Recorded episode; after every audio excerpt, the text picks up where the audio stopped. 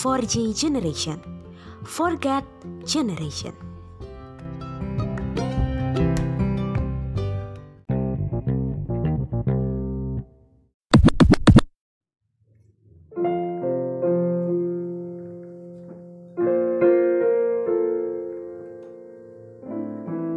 Shalom teman-teman Puji Tuhan pada sore hari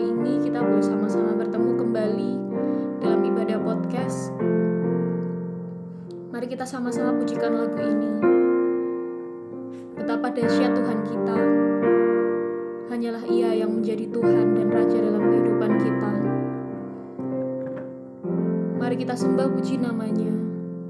Kita pujikan lagu ini bersama-sama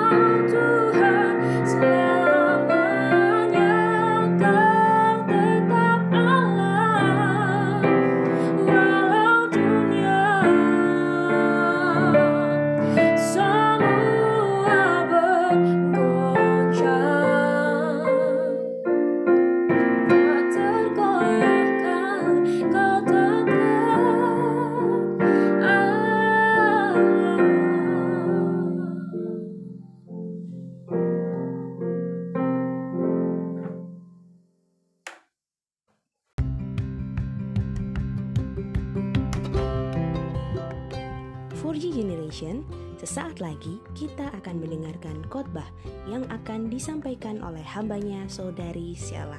Selamat mendengarkan. Shalom Vojiers, gimana kabarnya seminggu ini?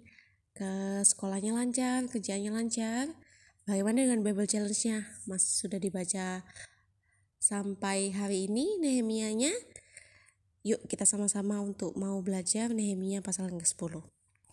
Kalau pada ibadah online sebelumnya, eh, membahas mengenai pembacaan kembali kitab Taurat di hadapan seluruh bangsa Israel dan perayaan hari raya Pondok Daun selama 7-8 hari.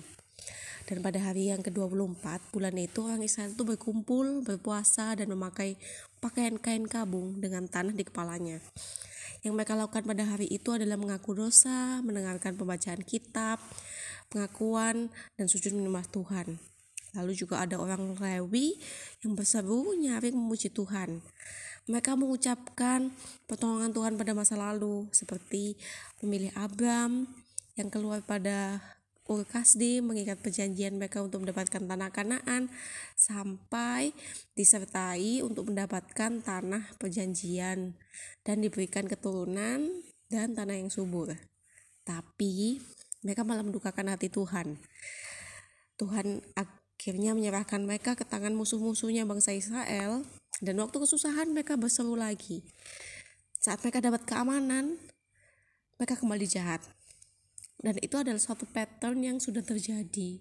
Mereka baik mereka jahat mereka mengaku dosa lalu jahat uh, dapat keadaan baik lagi lalu jahat lagi.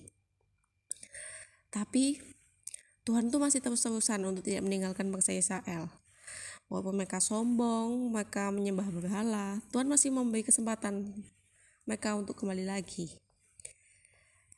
um, pada pada Nehemia 10 dituliskan bahwa bangsa Israel ini mengadakan piagam perjanjian dengan para pemimpin, orang-orang Lewi dan imam-imam.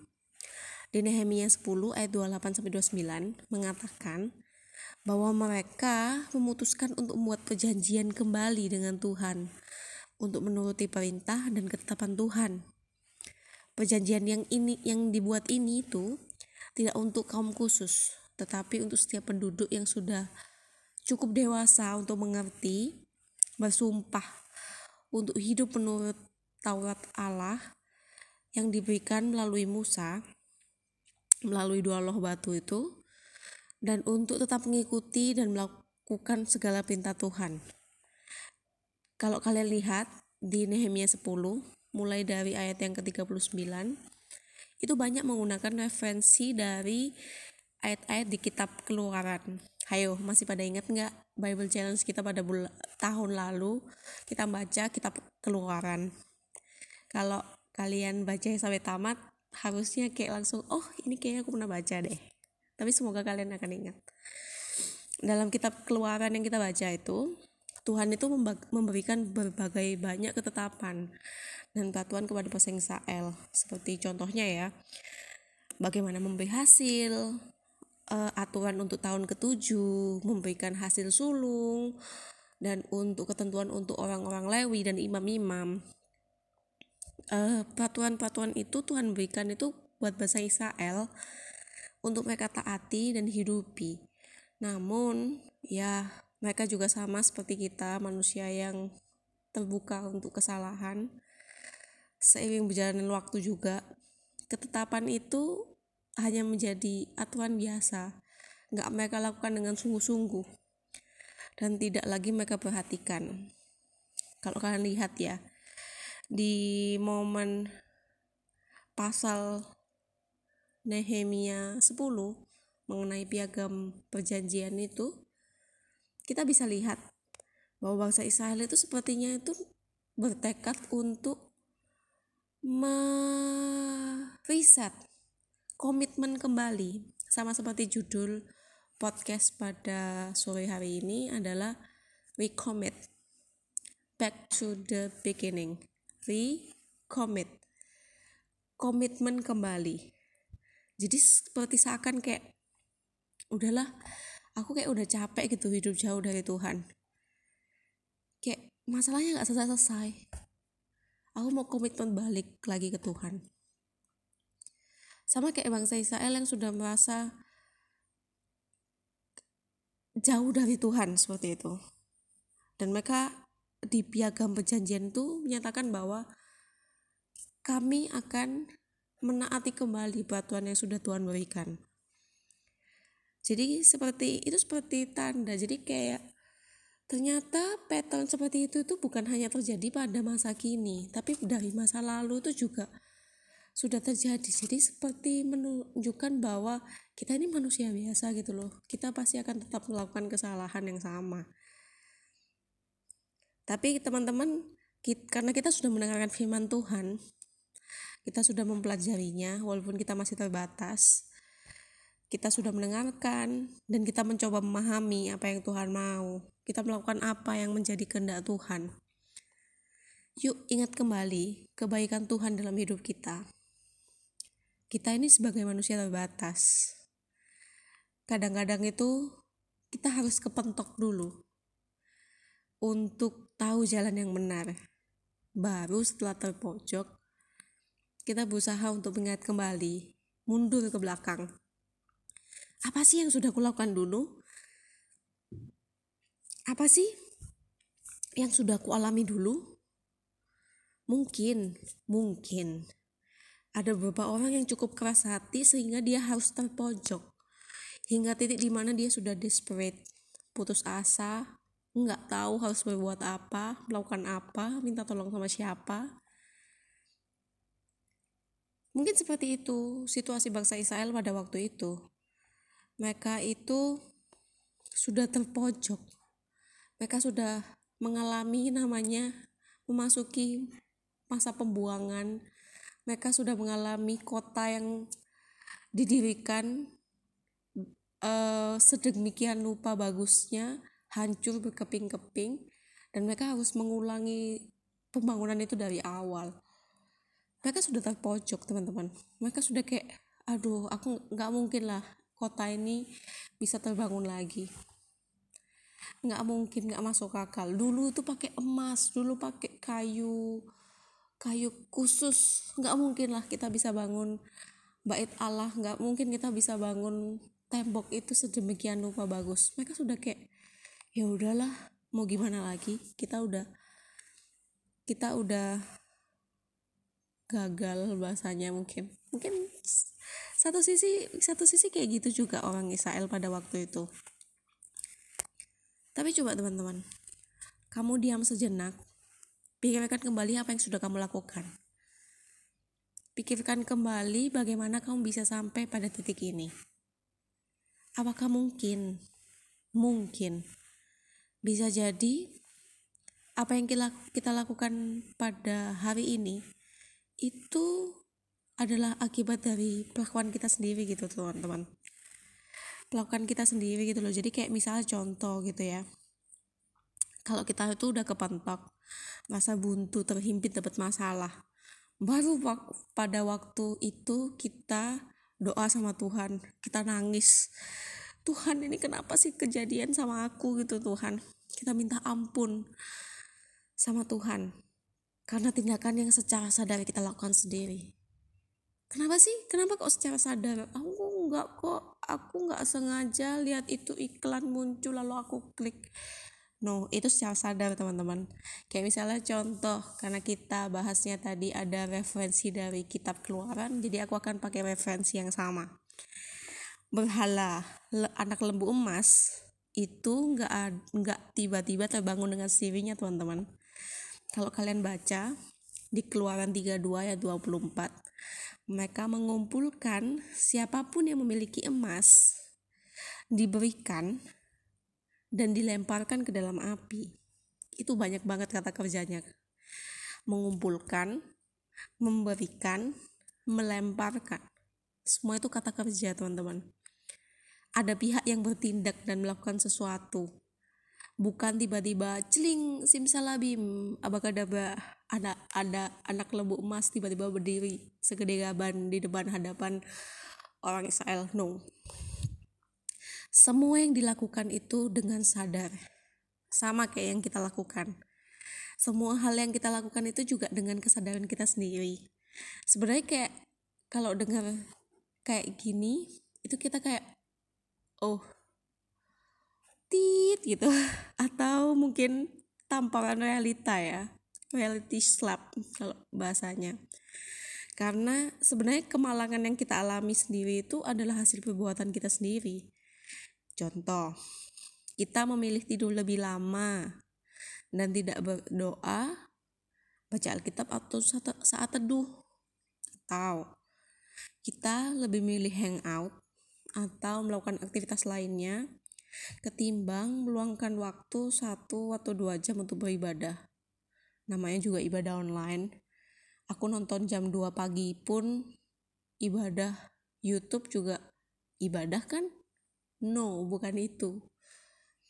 Ibadah itu adalah saat kamu benar-benar meluangkan waktumu terlepas dari kamu sedang melakukan apa, benar-benar fokus pikiranmu, hatimu, badanmu, walaupun badanmu secara nggak ada di gereja, tapi badanmu itu gerak-gerik tubuhmu itu fokus untuk beribadah.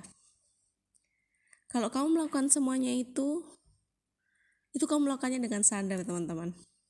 Secara nggak sadar, kita melakukan itu dengan kesadaran kita sendiri. Gimana sih kalimatku? Um, itu pilihan kita sendiri teman-teman. Tapi sadar nggak sih? Kasih sayang Tuhan itu sangat besar Tuhan sehingga dia tidak membinasakan dan tidak meninggalkan kita. Karena Allah adalah Allah yang pengasih dan menyayang. Itu yang tertuliskan di Nehemia 9 ayat 31. Jadi teman-teman, luangkan waktu kalian sejenak untuk mikirkan kembali sih apa yang sudah Tuhan perbuat buat kalian. Sama seperti saat bangsa Israel memikirkan kembali apa yang sudah Tuhan perbuat untuk nenek moyang mereka. Dan pada saat mereka melakukan reminder, mereka berusaha untuk flashback terhadap kebaikan Tuhan di nenek moyang mereka. Mereka itu melihat bahwa kebaikan dan mujizat Tuhan itu ada sampai pembangunan kembali tembok Yerusalem itu selesai. Dari awalnya Nehemia yang awalnya cuman kayak kepikiran, aduh aku kepikiran, sampai akhirnya dia berangkat ke sana mengumpulkan bahan-bahannya, mengumpulkan para pekerjanya, dan sampai akhirnya walaupun dia merasa dikecam dari musuh-musuh orang sekitarnya yang merasa kayak mereka terancam dengan pembangunan kembali tembok Yerusalem. Sampai akhirnya tembok Yerusalem ini selesai, Tuhan itu tetap menunjukkan kasih karunia ya teman-teman. Nah, di pembacaan yang Alkitab yang kita baca pada Nehemia ini, kita itu diingatkan lagi loh teman-teman. Yuk kita komitmen lagi sama Tuhan kita itu bangsa Israel itu menyadari kesalahan mereka. Dan kesalahan yang mereka sudah sadari itu mereka refleksikan dan membawa mereka untuk kembali komitmen lagi sama Tuhan. Makanya kalau kalian baca Nehemia 10 judulnya adalah piagam perjanjian. Mereka berkomitmen untuk tetap tinggal di dalam Tuhan dan menaati firman Tuhannya. Yuk teman-teman, kita gunakan. Nggak usah nunggu, ah ini akan jadi resolusiku tahun baru, tahun 2022. Aku akan mulai dari tanggal 1 Januari 2022, aku akan rajin baca Alkitab. No, kau bisa memulainya sekarang. Kamu bisa melakukan aktivitasmu pada saat hari ini, detik ini, jam berapapun kamu mendengarkan podcast ini, itu semua karena anugerah Tuhan dalam hidup kita. Jadi, seberapa jauh kamu merasa kayak, aduh aku jauh pol sama Tuhan. Nggak peduli. Aduh, aku udah ngelakukan dosa A, B, C, D, sampai Z. wis aku nggak layak untuk kembali doa sama Tuhan no kamu diajak Tuhan melalui semoga melalui renungan pada hari ini mampu mengetuk hati kalian untuk kayak ayo kembali ayo komitmen lagi ayo recommit lagi komitmen lagi sama Tuhan.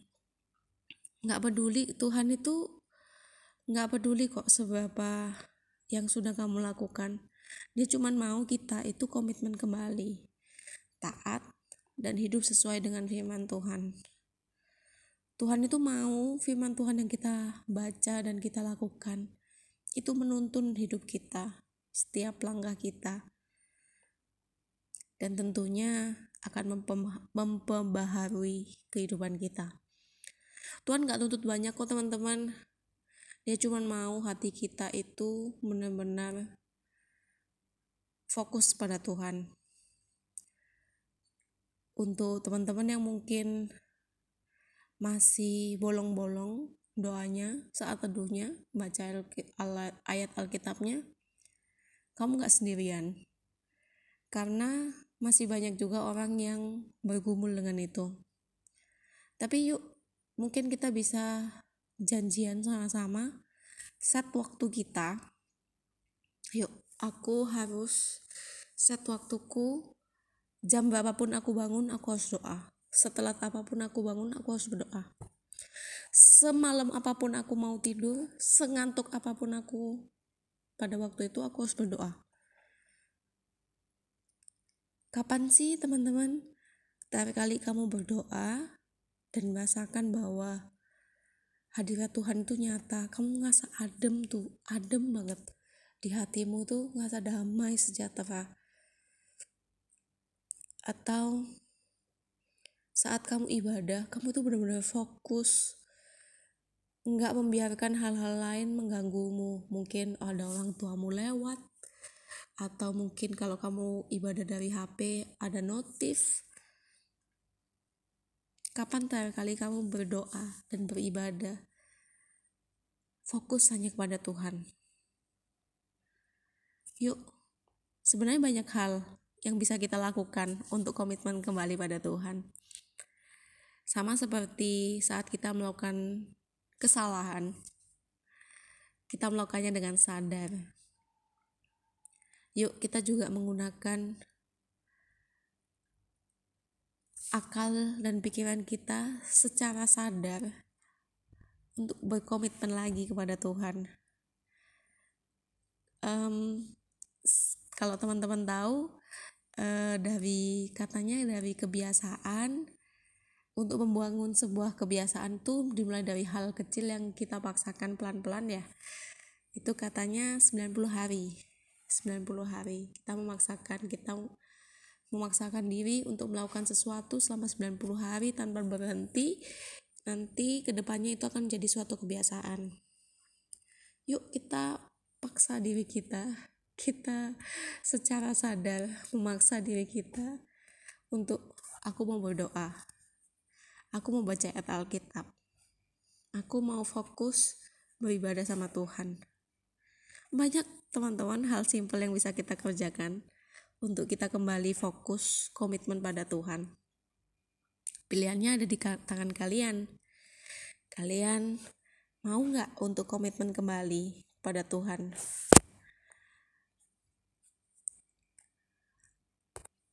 Yuk teman-teman, kita gunakan waktu ini untuk mengulang, untuk membuat resolusi baru untuk kita berkomitmen pada Tuhan. Mari teman-teman kita berdoa. Tuhan terima kasih Tuhan untuk kemenungan pada hari ini Tuhan. Kami sudah mempelajari Tuhan bagaimana kami perlu untuk berkomitmen Tuhan untuk kembali menaati firman-Mu Tuhan. Tuhan kami manusia biasa Tuhan, kami masih terlepas dari banyak kekurangan. Tuhan tolong mampukan kami Tuhan, Tuhan yang ingatkan kami senantiasa. Berikan kami kekuatan Tuhan. Berikan kami damai sejahtera daripadamu Tuhan. Hanya di dalam nama Tuhan Yesus kami berdoa. Amin. Sampai jumpa di ibadah online berikutnya teman-teman. Dan jangan lupa juga mulai hari ini atau mulai besok baca ayat Alkitabnya. Ayat Alkitabnya nggak banyak kok teman-teman. Mungkin susah aja karena nggak terbiasa. Sampai jumpa di ibadah online berikutnya teman-teman. God bless you.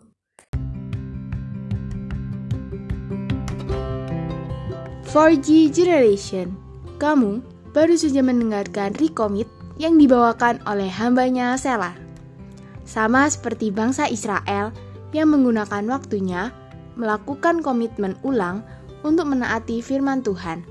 Kita juga bisa menggunakan waktu saat ini untuk melakukan komitmen ulang. Luangkan waktu untuk berdoa, bersaat teduh, membaca Alkitab, dan bersekutu dengan Tuhan sebagai bentuk komitmen ulang kita. Tetap jaga kesehatan ya teman-teman. Yuk mulai dikejar lagi pembacaan ayat Alkitab hariannya. Sampai jumpa di ibadah online berikutnya. Tuhan Yesus memberkati.